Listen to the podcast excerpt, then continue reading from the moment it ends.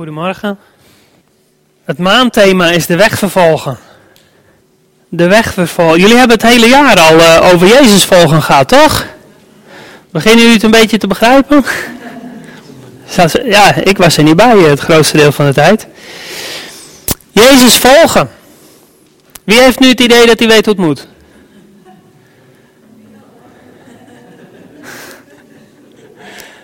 Of jullie snappen de vraag niet, of iedereen is misschien heel eerlijk, dat kan ook.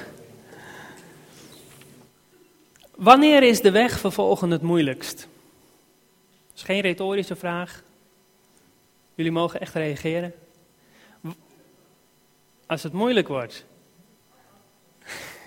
Ook, zeker. En als je die twee nou combineert, dan heb je misschien het allermoeilijkste.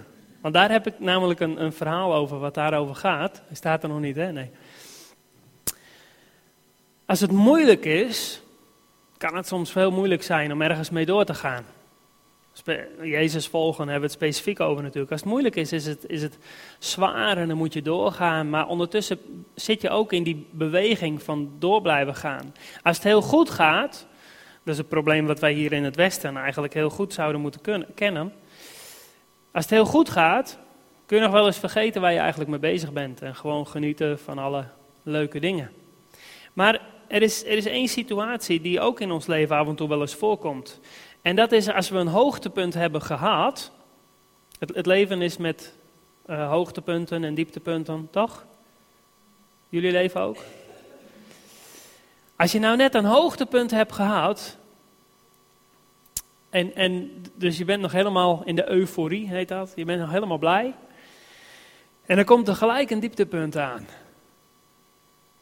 Dus eigenlijk, eigenlijk verwacht je dat het leven alleen maar nog mooier wordt. Je denkt dat je er al bent. En ineens gaat het toch nog weer heel erg anders dan je had verwacht.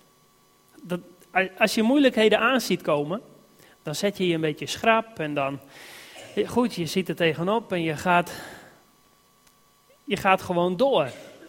Want je hebt je er zelf een beetje op voorbereid. Maar als het je een beetje verrast, als je met je gedachten nog helemaal bij je hoogtepunt bent.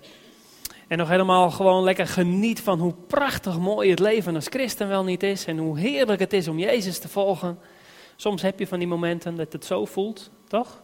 Oh, dat gun ik jullie in ieder geval. En uh, alleen het voelt niet altijd zo. En soms vergeet je dat wel eens. Juist als het zo goed gaat, denk je van yes, zo hoort het. Zo moet het gewoon zijn. Zo, zo, blijft het vast altijd. Niet dus? Maar dan, dan denk je dat. En dan kan het je nog wel eens verrassen dat er ook dingen gebeuren die er niet helemaal bij passen. We hebben net de tekst gelezen uit Korinthe.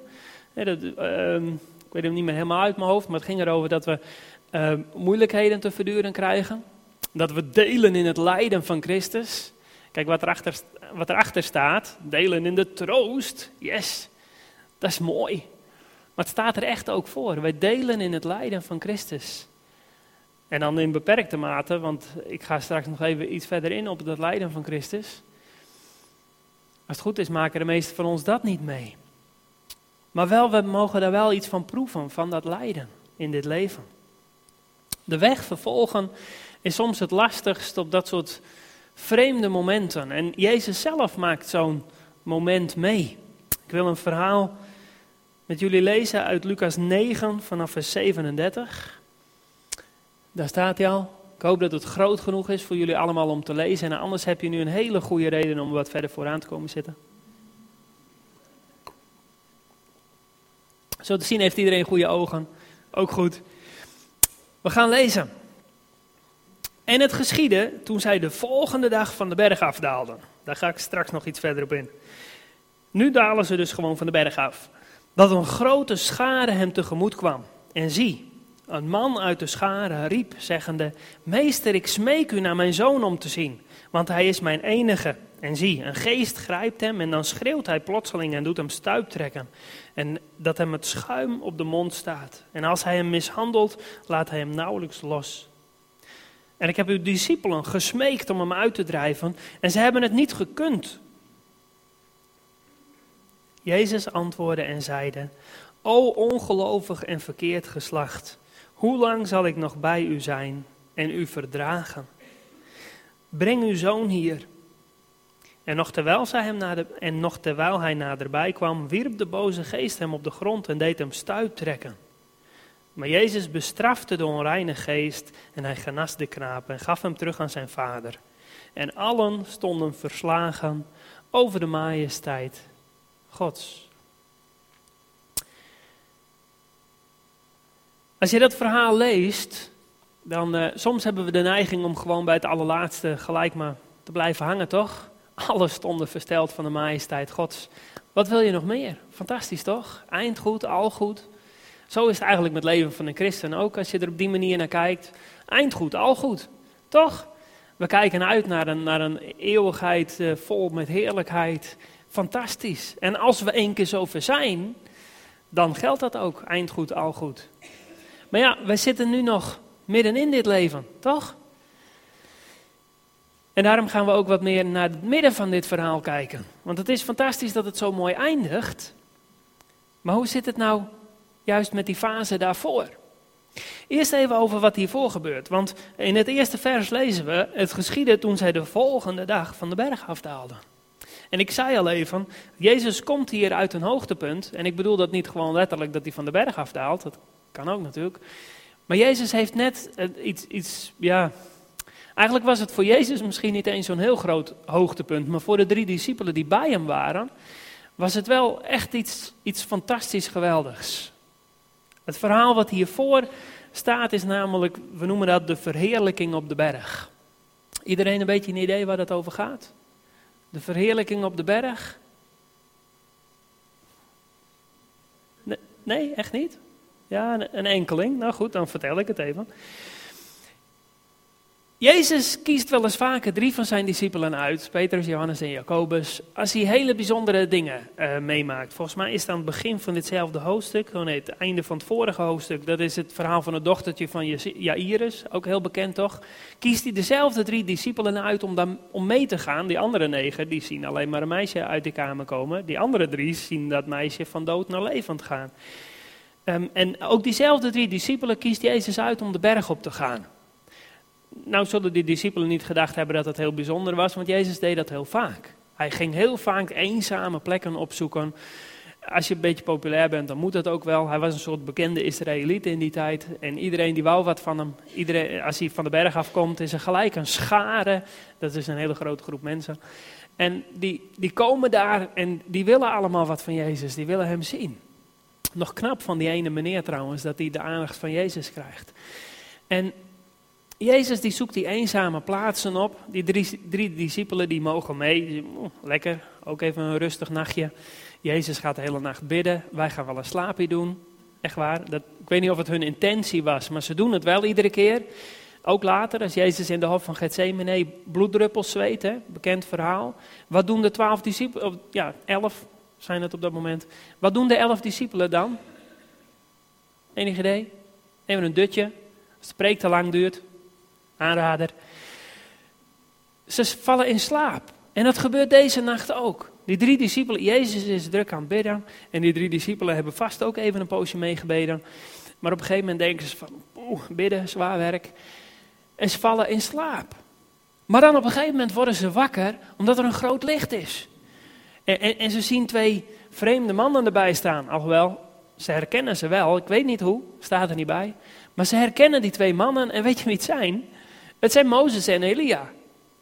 Nou, voor, degene van jullie die de Bijbel niet heel goed kennen. Uh, Mozes leefde ongeveer 2000 jaar voor, uh, nou ja, 1500 jaar voor Jezus. En, en Elia leefde ongeveer 1000 jaar voor Jezus. Dus als je die twee mensen tegenkomt daar op die berg, dat is wel apart toch? Eh, wacht even, jij bent al 1500, moet ik zeggen, 1500 jaar dood. Wat, wat doe jij hier? Hé, hey, jij, bent al duizend jaar. Wauw, dat is bijzonder. En Petrus die wordt wakker, een beetje slaap uit de ogen, zie ik het echt wel goed. En hij zegt, oh wat een geweldig idee, zal ik tentjes voor jullie bouwen en dan kunnen jullie hier lekker blijven. Maar er staat bij, hij had geen idee wat hij, waar hij het over had. En, en, terwijl die drie discipelen Jezus daar zien praten met Mozes en Elia, ik ga straks even in op waar ze het over hebben, maar eerst die drie discipelen. Ja? Je gaat naar boven voor een nachtbidstond. En één valt gewoon in slaap. Niet vreemd toch? Ze hebben de hele dag gewandeld waarschijnlijk. Dus dan ben je lekker moe. Ze vallen in slaap, ze worden wakker en ze zien daar iets prachtigs. Mozes en Elia en die praten met de Heer Jezus. Nou waren ze Jezus wel gewend, want dan liepen ze al een paar jaar achteraan. Maar Mozes en Elia is toch wel bijzonder om die even te ontmoeten. Dus ze hebben een, fantastisch hoogtepunt gehad. Helaas gaan Mozes en Elia er vandoor. Want iets met een wolk en zo, hup, weg zijn ze. Dus die drie discipelen die kijken elkaar, ze lopen van de berg af, ja, moet je je voorstellen. Je loopt van die berg af, je hebt net Mozes en Elia bovenop de berg gezien. En de andere negen discipelen, en een groot schade, die wachten beneden op je. Dus die drie discipelen die kijken elkaar zo aan. Wat gaan we hier, wat gaan we nou vertellen beneden? Moet je voorstellen dat jij beneden zit en er komt iemand, ik heb net Mozes en Elia gezien. Ja, oké, iets te hard gebeden. Zware nacht gehad zeker. Nachtbid stond. Eh, een paar mensen in de gemeente hebben nachtbid stond gehad. Speciaal uitgekozen, altijd diezelfde. En, en dan komen ze de volgende zondag hier getuigenis geven. Oh, we hebben Mozes gezien tijdens onze nachtbid stond. Mm, wie van jullie zou het heel serieus nemen? Hangt er vanaf wie het zegt misschien. Toch? Als Peter is het zei, maar ja, Peter zei wel vaker wat. Toch? Dus ze lopen van die berg af en ze hebben zoiets van, eh, zullen we dit maar voor ons houden? Bovendien had Jezus gezegd dat ze er niet over mocht, mochten praten, dus niet dat ze altijd deden wat Jezus zei hoor, daar niet van. Maar dit keer hebben ze er niks over gezegd, toch? Ik zou er ook niks over zeggen als ik zoiets meemaakte. Tenzij Jezus zei dat ik het moest zeggen, dan misschien wel. Maar ik, zou daar ook niet vrijwillig over beginnen, over zoiets. Iedereen denkt toch af en toe al dat je redelijk gek bent als je Jezus volgt. Als je dan met dit soort dingen komt, dan wordt het er niet beter op. Dus ze lopen van die berg af en ze hebben een prachtig mooi moment mee gehad. Moet je je voorstellen, nachtbid stond, lekker dutje gedaan. En daarna maak je zoiets fantastisch moois mee en dan loop je van die berg af. Helemaal hyper en denk van, yes, zo hoort het leven met, met Jezus te zijn. Zo hoort het leven als volgeling te zijn. Fantastisch, van hoogtepunt naar hoogtepunt. Heerlijk. Een aanrader om een volgeling van de Heer Jezus te worden. Toch? Sommigen van ons zijn op die manier tot geloof gekomen. Dat je dacht van, oh, als ik mijn leven aan Jezus geef, dan wordt mijn leven fantastisch. Heb ik het nooit meer moeilijk, nooit meer ziek, nooit meer koud, nooit meer moe, nooit meer... Heerlijk, toch? Soms ligt het aan de prediking, soms ligt het ook aan de manier waarop wij zelf dingen horen. Maar het leven is niet zo. Als je Jezus gaat volgen, wordt je leven volgens mij, ik wil niet te deprimerend zijn, maar ik denk dat je leven moeilijker wordt als je Jezus gaat volgen. Ik denk dat je leven eigenlijk gewoon zwaarder wordt. Als je als je, je leven aan Jezus geeft, dan, dan wordt je leven een grotere uitdaging. Want daarvoor, ja, lang leven de lol, doe wat je leuk vindt. Ja, probeer gewoon te genieten. Maar als je Jezus gaat volgen, ik weet, als het goed is hebben jullie het afgelopen jaar daar wel over gehad. Als je Jezus gaat volgen, dan ga je van de ene uitdaging in de andere uitdaging. En tussendoor mag je iedere keer uitrusten en heb je mooie momenten. Prachtig mooie Psalm 23, hè? De, de, de, goede, ja, de goede herder, dat gaat over Jezus. Maar Psalm 23 over de herder en de grazige weiden. Maar weet je hoe je van grazige weiden naar grazige weiden komt? Jullie kennen Psalm 23 wel, toch? De Heer is mijn herder, mij ontbreekt niets. Stop daar maar, klaar met de psalm. Maar hoe kom je nou van de ene grazige weide naar de andere grazige weide? In, in een bergland, ja hier, van het ene weiland naar het andere, wij hekje open, hup er doorheen, hekje dicht, toch? Dat zijn wij, wij Hollanders, of Friesen, jullie. Oh nee, ik ook. Ehm, je denkt gewoon van, van grazige weide naar grazige wijkje, hekje open, hekje dicht, klaar. Maar zo, zo was het voor de Israëlieten niet. Van grazige weiden naar grazige weiden, dan moest je over wat bergen en doordalen en moeilijk, moeilijk, moeilijk, zware. En helemaal niet zo fijn. Over bergen en doordalen. En God brengt ons van de ene grazige weide naar de andere grazige weide. Dat is de troost. Maar hij leidt ons daar naartoe over bergen en doordalen. Dat is het lijden van Christus waar het in Korinthe over ging. Goed, dat was even een beetje een, een afdaling. Um, ze, ze, komen van die berg af, fantastisch. En dan komt er een, menigte op hun af. En dan zegt die meneer: Mijn zoontje, ik heb de discipelen, die andere negen, gevraagd om hem te genezen, om hem om te bevrijden. En ze hebben het niet gekund. Dus Jezus die loopt ook daar met die drie discipelen, drie discipelen helemaal yes, yes, yes. En ik, och, hebben we dat weer. Al die mensen die genezen willen worden, al die mensen die van alles willen. Ze hebben net daarvoor, moesten ze 5000 mensen te eten geven, eh, terwijl ze niks bij zich hadden. Allemaal goed gekomen, al, al die verhalen, hè? iedere keer gewoon het einde van het verhaal lezen, eind goed, al goed. Komt helemaal goed. Maar daarvoor sta je daar en Jezus zegt tegen je, geef die mensen even te eten. Kijk je elkaar ook aan. Hoeveel hebben wij nog in de, in de keuken als hier 5000 mensen op visite komen om te komen lunchen? Spontaan, onvoorbereid, niet gepland. Lastig. Als hier nou een vader binnen zou komen, met een, een uh, jonge man die bezeten is of iets anders vreemds mee aan de hand is en hij gooit zichzelf op de grond en schuim op de mond en zo. Wie van jullie zou dan even een beetje slikken? Wie van jullie is blij dat hij op dat moment niet in de leiding van de gemeente zit? Ja, toch?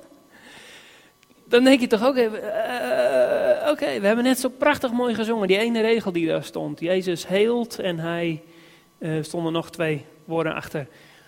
Jezus, de, de naam van Jezus heelt en wat waren die andere dingen, muziekteam? Ja, nou, jullie weten het ook wel. Fantastisch toch? Maar als het puntje bij het paaltje komt, als het erop aankomt, dan is het toch even slikken. En, en dan vroeg ik mij af toen ik dat las, hebben we niet een te hoge was er niet een te hoge verwachting? Die negen discipelen, ja, logisch dat ze dat niet kunnen, lukt ons ook niet altijd, toch? Maar, als je de Bijbel een klein beetje kent, en je weet wat er aan het begin van ditzelfde hoofdstuk gebeurt, wie weet dat? Dat is een heel mooi verhaal. Aan het begin van hoofdstuk 9, we zijn hier bijna aan het eind van hoofdstuk 9. Aan het begin van hoofdstuk 9, daar staat het verhaal waar Jezus zijn discipelen twee aan twee erop uitstuurt. En waar hij zegt, ga uh, zieken genezen en demonen uitdrijven. En vertel iedereen het goede nieuws van het koninkrijk van God. En dan komen ze terug, ook al voordat we dit meemaken. En ze komen terug, ze zijn per twee weg geweest, ze zijn nu met negen. Twee aan twee zijn ze weg geweest en ze komen allemaal terug en zeggen: Het was fantastisch. De demonen die gingen eruit, de zieken werden genezen. Wat geweldig dat we dit mochten meemaken. We zijn zo blij dat we dat hebben zien gebeuren door onze handen, dat God zo geweldig mooi werk heeft gedaan. Jezus zegt dan tegen ze: Je moet niet blij zijn dat, dat dit, die dingen gebeuren. Je moet blij zijn dat je naam staat geschreven in de hemel. Dat is je reden voor je beleidschap. En dit is gewoon je dienstwerk. Dat, is gewoon, dat was jullie opdracht. Ga zieken genezen, demonen uitdrijven. Dat hebben ze al meegemaakt aan het begin van het hoofdstuk. En nu zijn ze met z'n negenen. En het lukt niet om, om deze ene jongen te genezen. Misschien heel veel anderen wel. Maar deze ene niet. Dus het is niet zo vreemd dat het vreemd is dat ze het niet kunnen. Het lukt ze niet. En dan doet Jezus een hele bijzondere uitspraak. Toch? Staat hij er nog? Ja, hè? Kijken, waar begint hij? Daar zo, bij die dubbele punt. Vreemde uitspraak, toch?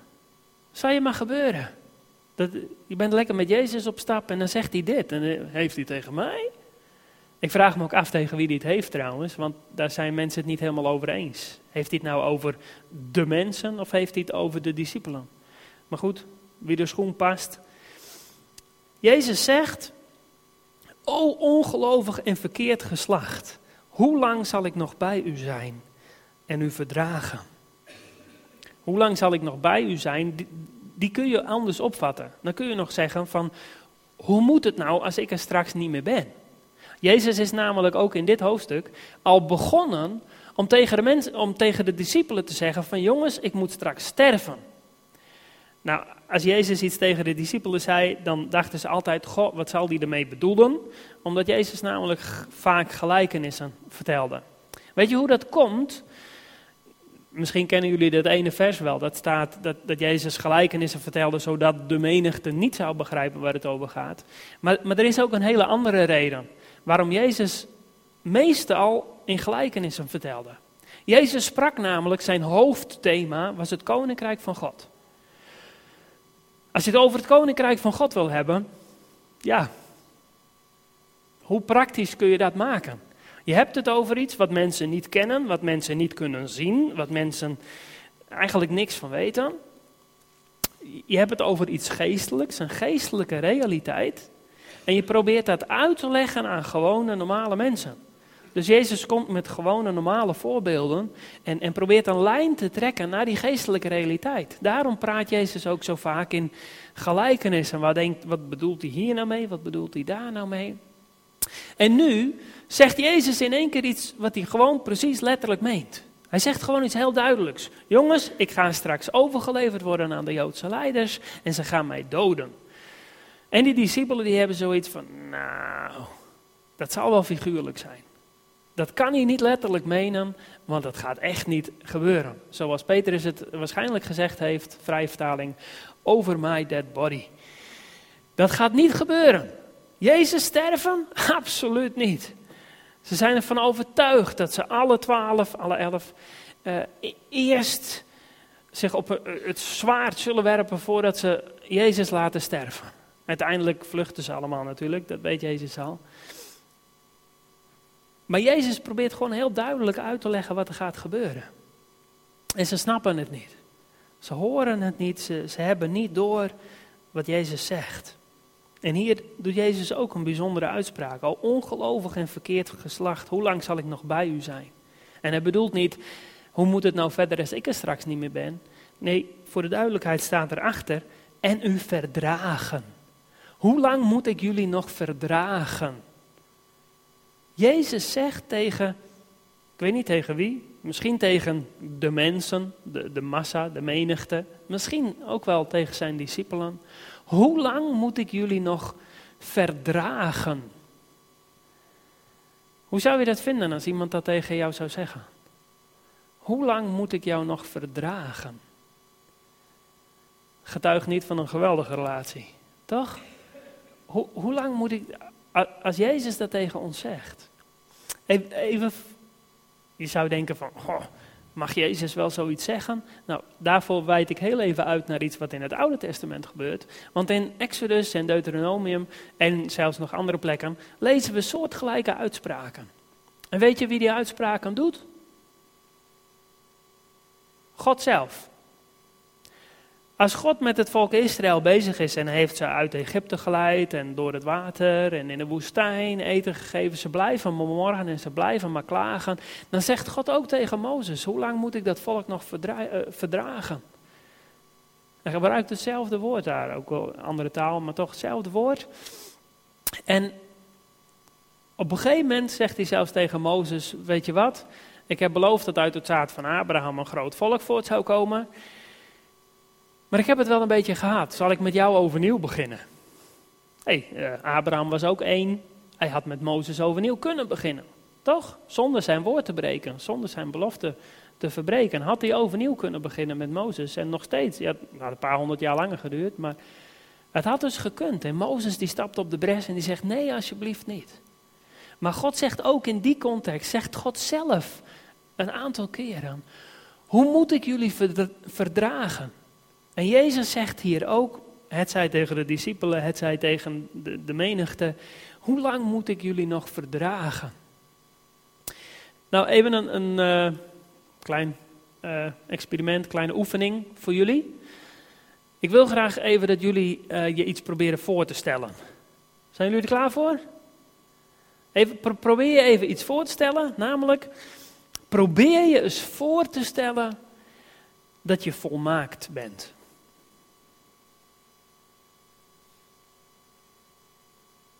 Probeer je eens voor te stellen dat je volmaakt bent. Sommigen van jullie denken nu dat is toch helemaal niet moeilijk. Die hebben of de opdracht niet begrepen, of ze hebben dringend gebed nodig.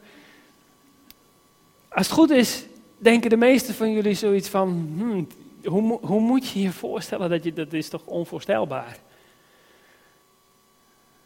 Eh, onze zangleider zei net over, over iets wat niet voor te stellen is, toch? Ik ook niet, want ik heb ook kinderen. En zo zijn er een hele hoop dingen in dit leven die, die moeilijk en zwaar zijn, die we ons niet voor kunnen stellen, omdat we dat zelf niet meemaken. Gelukkig maar. Maar er zijn ook, ook goede, mooie dingen die we ons eigenlijk niet voor kunnen stellen. Het is toch onvoorstelbaar om volmaakt te zijn? Hoe zou het nou zijn om volmaakt te zijn? In je gezin, op je werk, als enige ook nog, hè? Kijk, als iedereen volmaakt is, ja, dan is het wel leuk. De wereld is volmaakt, iedereen is volmaakt, jij bent volmaakt. Nou, fantastisch, toch? Niks aan de hand. Maar als je als enige volmaakt bent op je werk, of in je straat, of in je gemeente. Als je als enige volmaakt bent, is dat best wel, ja, af en toe een beetje eenzaam. Af en toe een beetje vervelend. Kijk, als je volmaakt bent, ben je, zou je zeggen, dan ben je ook volmaakt verdraagzaam. Toch? Ik weet niet wat voor beeld jullie hebben van volmaakt. Maar ik wil even iets, iets zeggen over wat volgens mij volmaakt betekent. Want Jezus zegt, hoe lang moet ik jullie nog verdragen? Maar ja, als hij volmaakt is, is hij ook volmaakt verdraagzaam. En kan hij alles verdragen en is er niks aan de hand, zou je zeggen, toch? Maar volmaaktheid kun je niet uh, in, in plakjes snijden. Je kan niet zeggen van, oh, volmaakt verdraagzaam, volmaakt in liefde, volmaakt dit, volmaakt zus. Het, het probleem met volmaaktheid, wat, wat het zo onbegrijpelijk maakt, is dat het een, een compleet pakket is. God is volmaakt in liefde. Maar hij is ook volmaakt in heiligheid. En dat maakt het zo lastig voor ons te begrijpen. Dus als God volmaakt in liefde is, hoe kan hij dan zonde haten? Nou, op zich is dat niet zo heel raar, want als je volmaakt in liefde bent en, en je houdt van de mensen, God houdt van mensen, voor de duidelijkheid. Als je volmaakt in liefde bent, dan heb je automatisch een hekel aan alles wat de mensen waar je van houdt schade toe kan berokkenen. Toe kan, nou ja, maakt niet uit. Alles wat slecht is voor de mensen, daar heeft God een hekel aan. Omdat hij volmaakt in liefde is. Ook als wij zelf zondigen, heeft God daar een hekel aan, want eigenlijk zijn we bezig om onszelf kapot te maken. En als je kleine zonnetjes, dan maak je jezelf een klein beetje kapot. Grotere zonden maak je, maakt allemaal niet uit. Voor alle zonden is dezelfde oplossing. Of het nou een hele hoop kleintjes zijn of een paar hele grote ertussen, maakt allemaal niet uit. Eh, ik las net een tekst in, ik denk dat het in Petrus was. Daar staat, als de rechtvaardige ter nauwe nood gered wordt, hoe moet het dan met de onrechtvaardigen gebeuren? Weet je dat rechtvaardige mensen, voor zover die überhaupt bestaan, die worden niet gered omdat ze rechtvaardig zijn. Het is niet zo van, nou, jij bent zo goed, je mag wel naar binnen, kom erbij. Nee, ook de meest rechtvaardige mensen die ooit geleefd hebben, die worden gered door genade. En als je iets minder rechtvaardig bent dan de meest rechtvaardige mensen die ooit geleefd hebben, dan word je gered door diezelfde genade. En als je van jezelf het idee hebt dat je toch wel behoorlijk ver afstaat van diegenen die de meest rechtvaardige mensen zijn die ooit geleefd hebben, ook dan word je gered door diezelfde genade. En als je gered wordt, als het goed is, ga je dan uit dankbaarheid, ga je proberen nog een stuk rechtvaardiger te leven. Maar je wordt gered omdat je je leven aan God overgeeft en tegen God zegt, ik kan het niet alleen. En dan wil God bij ons komen en ons helpen. En dan verleent hij ons genade als wij erkennen dat we het zelf niet kunnen. Eigenlijk is dat wat God van ons vraagt. Dat wij erkennen dat we het zelf niet kunnen en dat we Hem om hulp vragen. En God wil ons helpen. En dan maakt het niet meer uit of je nou een heel klein beetje hebt gezondigd in je hele leven, of misschien wel een hele berg in je eigen ogen. Dat maakt niet uit. Want God kan de meest slechte mens die je je voor kan stellen, die kan God net zo makkelijk helpen als de meest goede mens die je je voor kan stellen. Maar beide hebben het nodig dat ze tot inkeer komen en tot het besef komen dat ze het niet zonder God kunnen.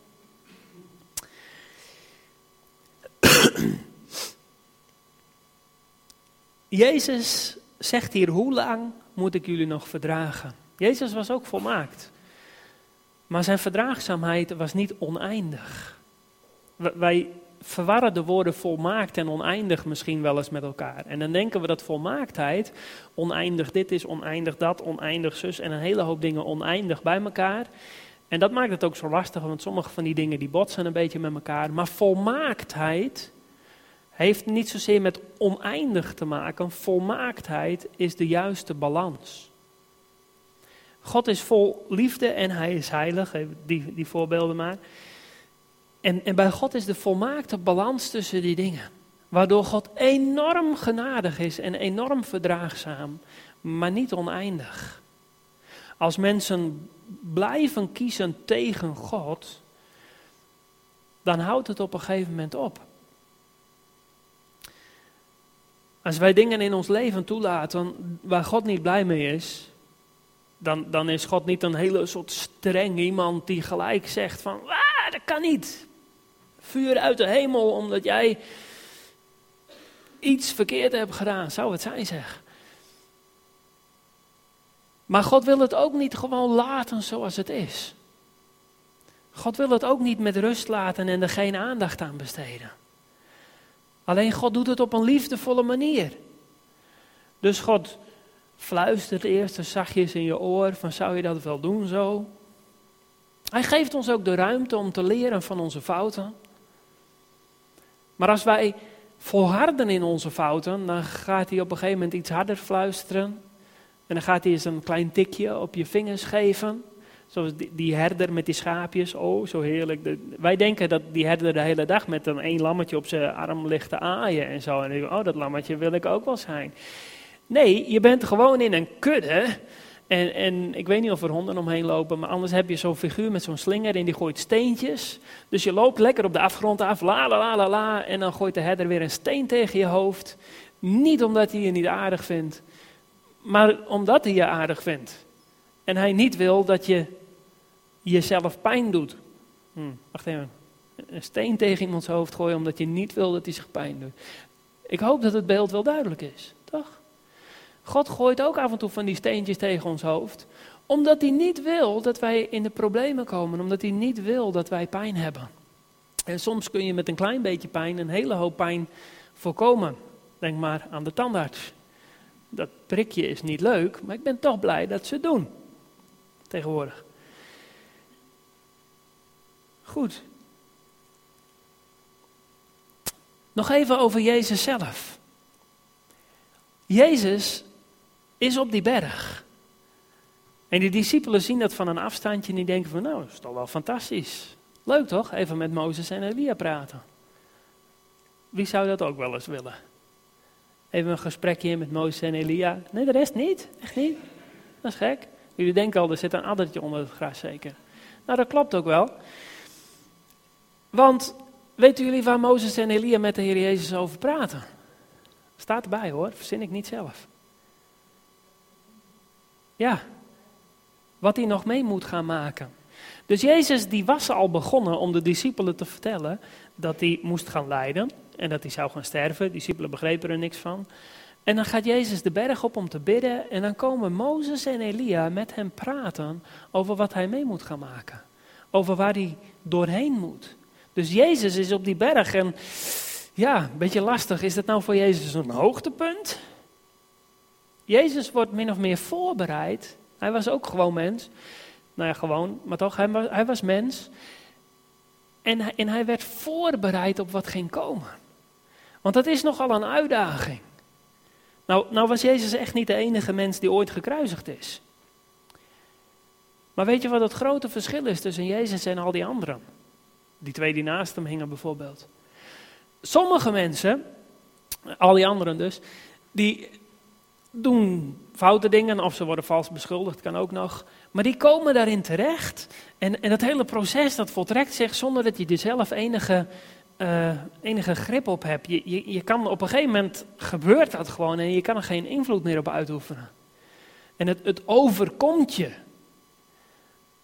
En dat was bij Jezus niet zo. Ik, denk zelf, als ik even een persoonlijke gedachte mag, mag uh, uiten Als Jezus af en toe die discussies heeft met de leiders in Israël, met de fariseeën en de, en de wetgeleerden en zo, af en toe dan denk je wel eens van, goh, Jezus is wel scherp. Zou hij dat niet wat diplomatieker op kunnen lossen? Toch? Ik vermoed eigenlijk dat Jezus daar ook al een beetje bezig is om, om het, het scenario te creëren waarin kan gebeuren wat moet gebeuren. Jezus was enorm populair bij de grote massa. En hoe kun je nou vanuit die populariteit verwachten dat je gekruisigd werd? Notabene in hetzelfde weekend, hè? Aan het begin van het weekend, halleluja, hosanna, hosanna, fantastisch, geweldig, onze nieuwe koning. Aan het eind van het weekend, of nog niet eens aan het eind van het weekend, wordt hij gekruisigd. En lopen diezelfde mensen allemaal te roepen, kruisig hem. Is toch onvoorstelbaar hoe, hoe dat in één keer om kan slaan. En Jezus, als hij daar op die ezel zit en iedereen legt zijn mantels voor hem neer, dan rijdt hij daar op die ezel. Maar hij zit daar niet en denkt van, yes, nou word ik koning. Nee, hij gaat naar Jeruzalem toe met het doel om gekruisigd te worden. Hij gaat naar Jeruzalem toe om, om zijn leven te geven. En al die mensen die zijn in jubelstemming, olé, olé, olé. Discipelen die lopen er ook helemaal blij bij. Wij horen bij hem. Een paar dagen later denken ze iets anders. Maar Jezus die zit daar op die ezel naar Jeruzalem toe te rijden. En hij denkt, straks moet ik met een kruis op mijn rug weer naar buiten lopen. Dat is wel even anders. Hoe, hoe, hoe moet dat voor Jezus geweest zijn? Net zoals dat hij hier van de berg afkomt en al die, die, die drie discipelen die bij hem zijn, die zeggen, wauw, we hebben zoiets fantastisch meegemaakt. Laten we er vooral niks over zeggen natuurlijk, maar Jezus, hoe loopt hij van de berg af? Na dat gesprek met Mozes en Elia nog een beetje nadenken van, jongen, jongen. Want dit is nog voor de hof van Gethsemane, hè, waar hij het zo vreselijk moeilijk heeft. Want hoe dichter het bij komt, dat weet ik zelf ook wel. Hoe dichter sommige dingen bij komen. Kijk, als, het, als je naar de tandarts moet over vier weken of over zes maanden. Maar de dag van tevoren. Morgen, oh, succes. Ik vind het geen pretje in ieder geval. Ik ben een beetje gevoelig wat dat betreft. En hoe dichter het bij komt, hoe meer je ergens tegenop gaat zien. En dat is met Jezus ook. En het grote verschil met Jezus is dat het Jezus niet overkwam. Het overkwam hem niet. Hij, hij ging zelf vrijwillig naar Jeruzalem, wetende wat hem te wachten stond. Hij, hij had die discussies met die, met die mensen en toen wist hij al dat die mensen hem zouden gaan kruisigen. Of in ieder geval daar de menigte daartoe aanzetten. Om kruisig hem, kruisig hem te roepen. Hij was met zijn discipelen lekker onderweg en hij wist dat ze hem allemaal in de steek zouden laten. Hij wist wat voor pijn hij zou moeten gaan lijden. En zelfs op het moment dat Jezus aan het kruis hing en, en de hele route ernaartoe, toen, de, toen de, ik denk dat het fariseeën of zo waren die tegen Jezus zeiden van, nou, als jij dan bent wie je zegt dat je bent, kom dan van dat kruis af. Is er hier iemand die denkt dat Jezus dat niet kon doen op dat moment? Tuurlijk kon hij dat doen. Oh, echt waar, jullie gaan in mij geloven als ik nu van het kruis afkom? Oh, Wauw, wat een buitenkans. Tada, hier ben ik. Maar Jezus had een veel hoger doel in gedachten. Namelijk tot en met onze generatie en misschien nog wel een paar meer aan toe. Om redding te verschaffen voor ons allemaal. Door wat hij daar deed. Hij heeft zijn leven gegeven zodat wij allemaal gered konden worden. En daarom deed hij dat. Zijn leven ging niet over rozen. Kijk, het is natuurlijk leuk als iedereen een beetje aan je voeten valt en zo. En ze allemaal zeggen van, oh Jezus, Jezus. En allemaal hangen ze aan je lippen. Redelijk pijnlijk denk ik, maar toch. Dat is toch fantastisch? Wie zou Jezus willen zijn? Als je alleen naar die kant kijkt, dan denk je van, nou, dat is toch wel leuk. Maar hij is naar de aarde gekomen met als hoofddoel om, om een afschuwelijke dood te sterven. Wat een lol. Niks niet om, om jaloers op te zijn, toch?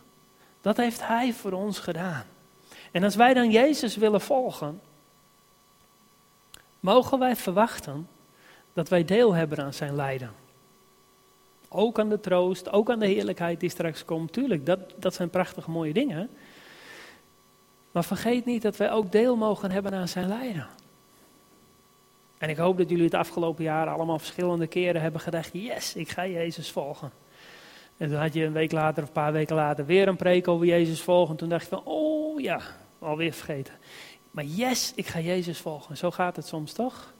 Er is een hele mooie tekst ergens in Spreuken, ik weet niet uit mijn hoofd waar. Maar ik vind dat een hele mooie tekst. Daar staat, de rechtvaardige zal zeven keer struikelen. Is een mooie tekst? Weet je waarom dat een mooie tekst is? Omdat je alleen weer kan struikelen als je weer opstaat. Al struikelende komen wij vooruit. Al, al zoekende op de tast vinden wij God, leren we Hem kennen, ontdekken we hoe Hij in ons leven aan het werk is. En als je denkt dat als je je leven aan Jezus geeft, dat je dan gewoon lekker achter in de trein kan gaan zitten, een boekje lezen en je gaat toch wel vooruit. Het leven met God is geen trein. Jezus volgen is, is geen trein. Het is meer een soort karavaan. Meer een, een uh, hoe heet zo'n ding, een marathon. Daar dacht ik vanmorgen aan.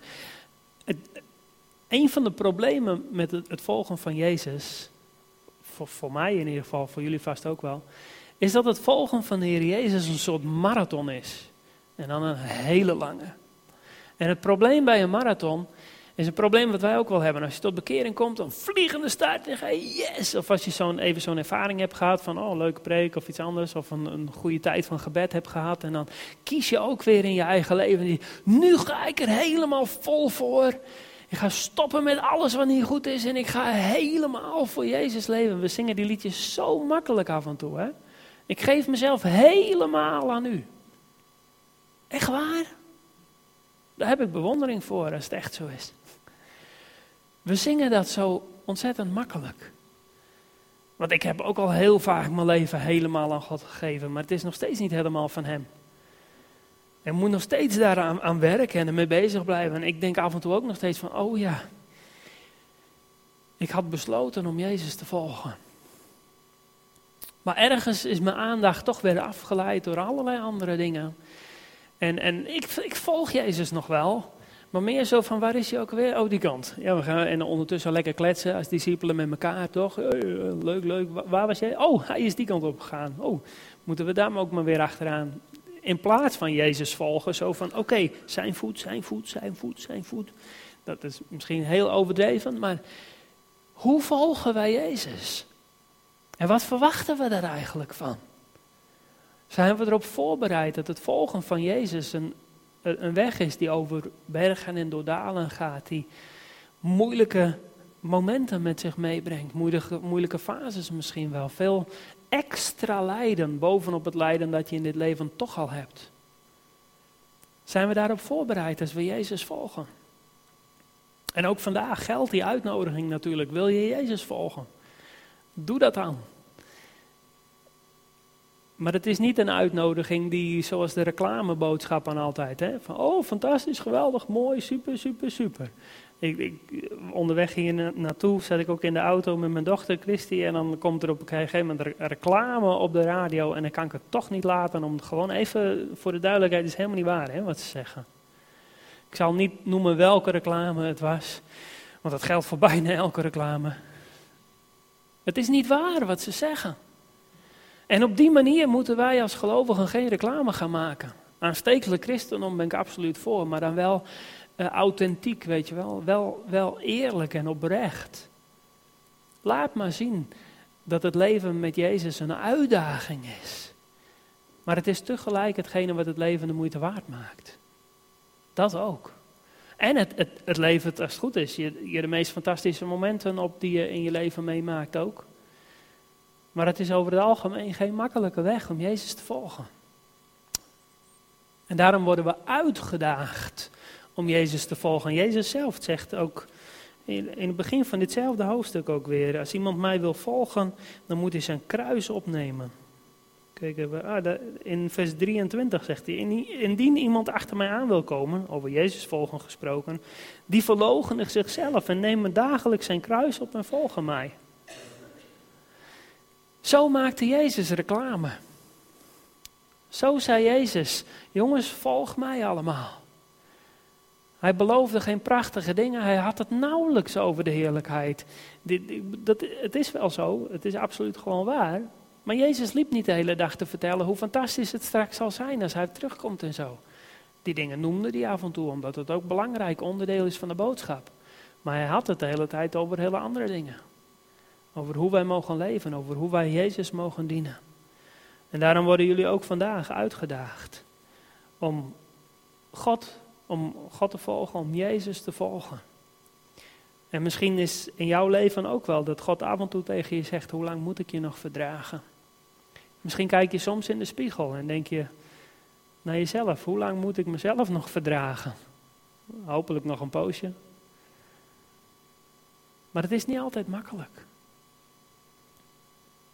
Maar als God in ons leven komt, dan wordt het de moeite waard.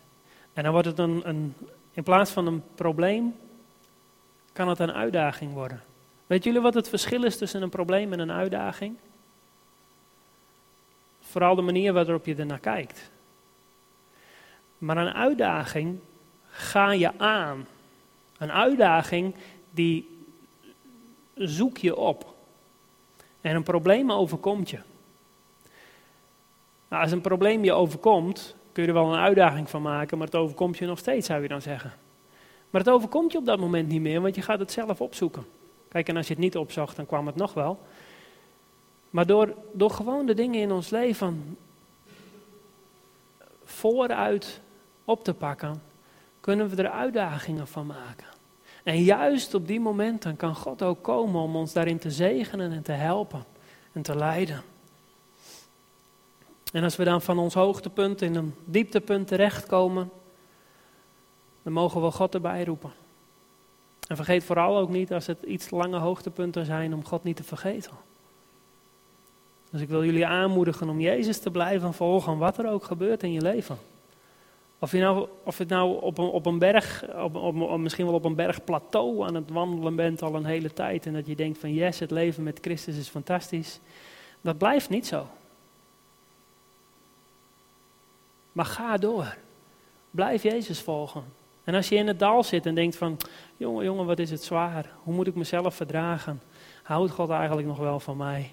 Ja hoor. En je gaat van grazige weiden naar grazige weiden, maar je moet wel doorgaan om daar weer te komen. En je moet daar niet blijven liggen, want op een gegeven moment is het gras op.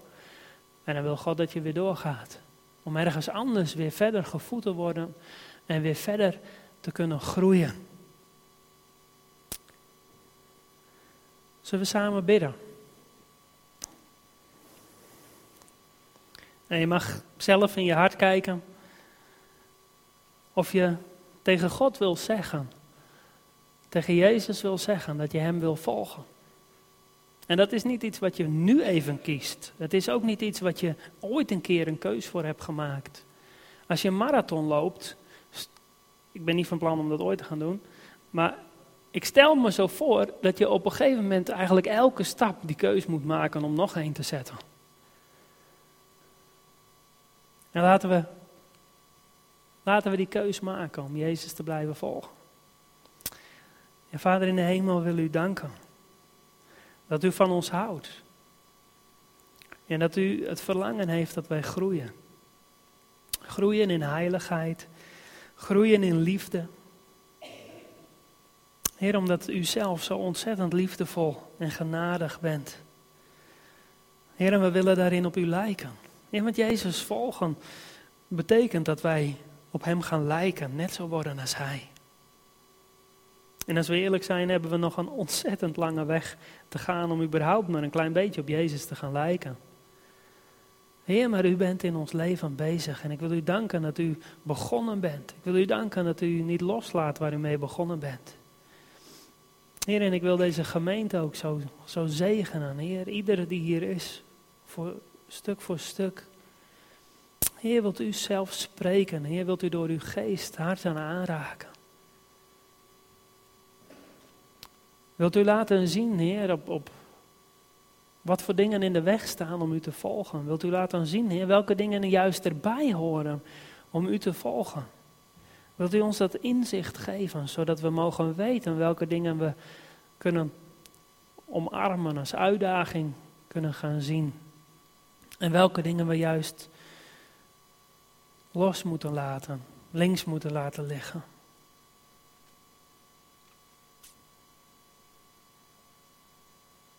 Heer, ik bid dat u iedereen aan wilt raken en wilt trekken in het hart om u te volgen. Ieder voor zich. En als we het persoonlijk daar de keus voor maken, dan mogen we ook u samen volgen. Dank u wel, Heer, dat we daar niet alleen in staan, maar dat we samen u mogen volgen. En dat u ons opbouwt en dat u ons leidt naar plekken, naar momenten in ons leven waar we kunnen groeien. Heer, u bent een machtige God. En we zien uit, naar het einde van de reis. Maar ook tijdens deze reis, Heer, is het geweldig dat u bij ons bent. Dat u ons draagt als het moeilijk wordt. En dat u ons corrigeert als dat nodig is. U bent God. En u bent absoluut de moeite waard om te volgen.